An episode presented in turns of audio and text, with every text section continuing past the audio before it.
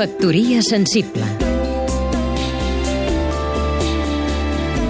Salvador Giné, professor de Sociologia Tenim el 9 de novembre al damunt.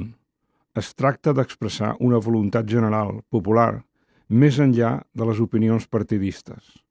Cal que això s'entengui bé, contra l'opinió molt minoritària dels que s'escuden a la Constitució espanyola de 1978 per a negar-nos un dret elemental.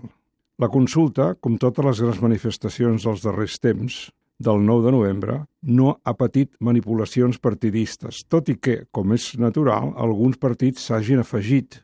Si no hi ha urnes al vostre ajuntament o al col·legi electoral instal·lat a l'escola o al casal de cultura i els trobeu tancats, no us amoïneu.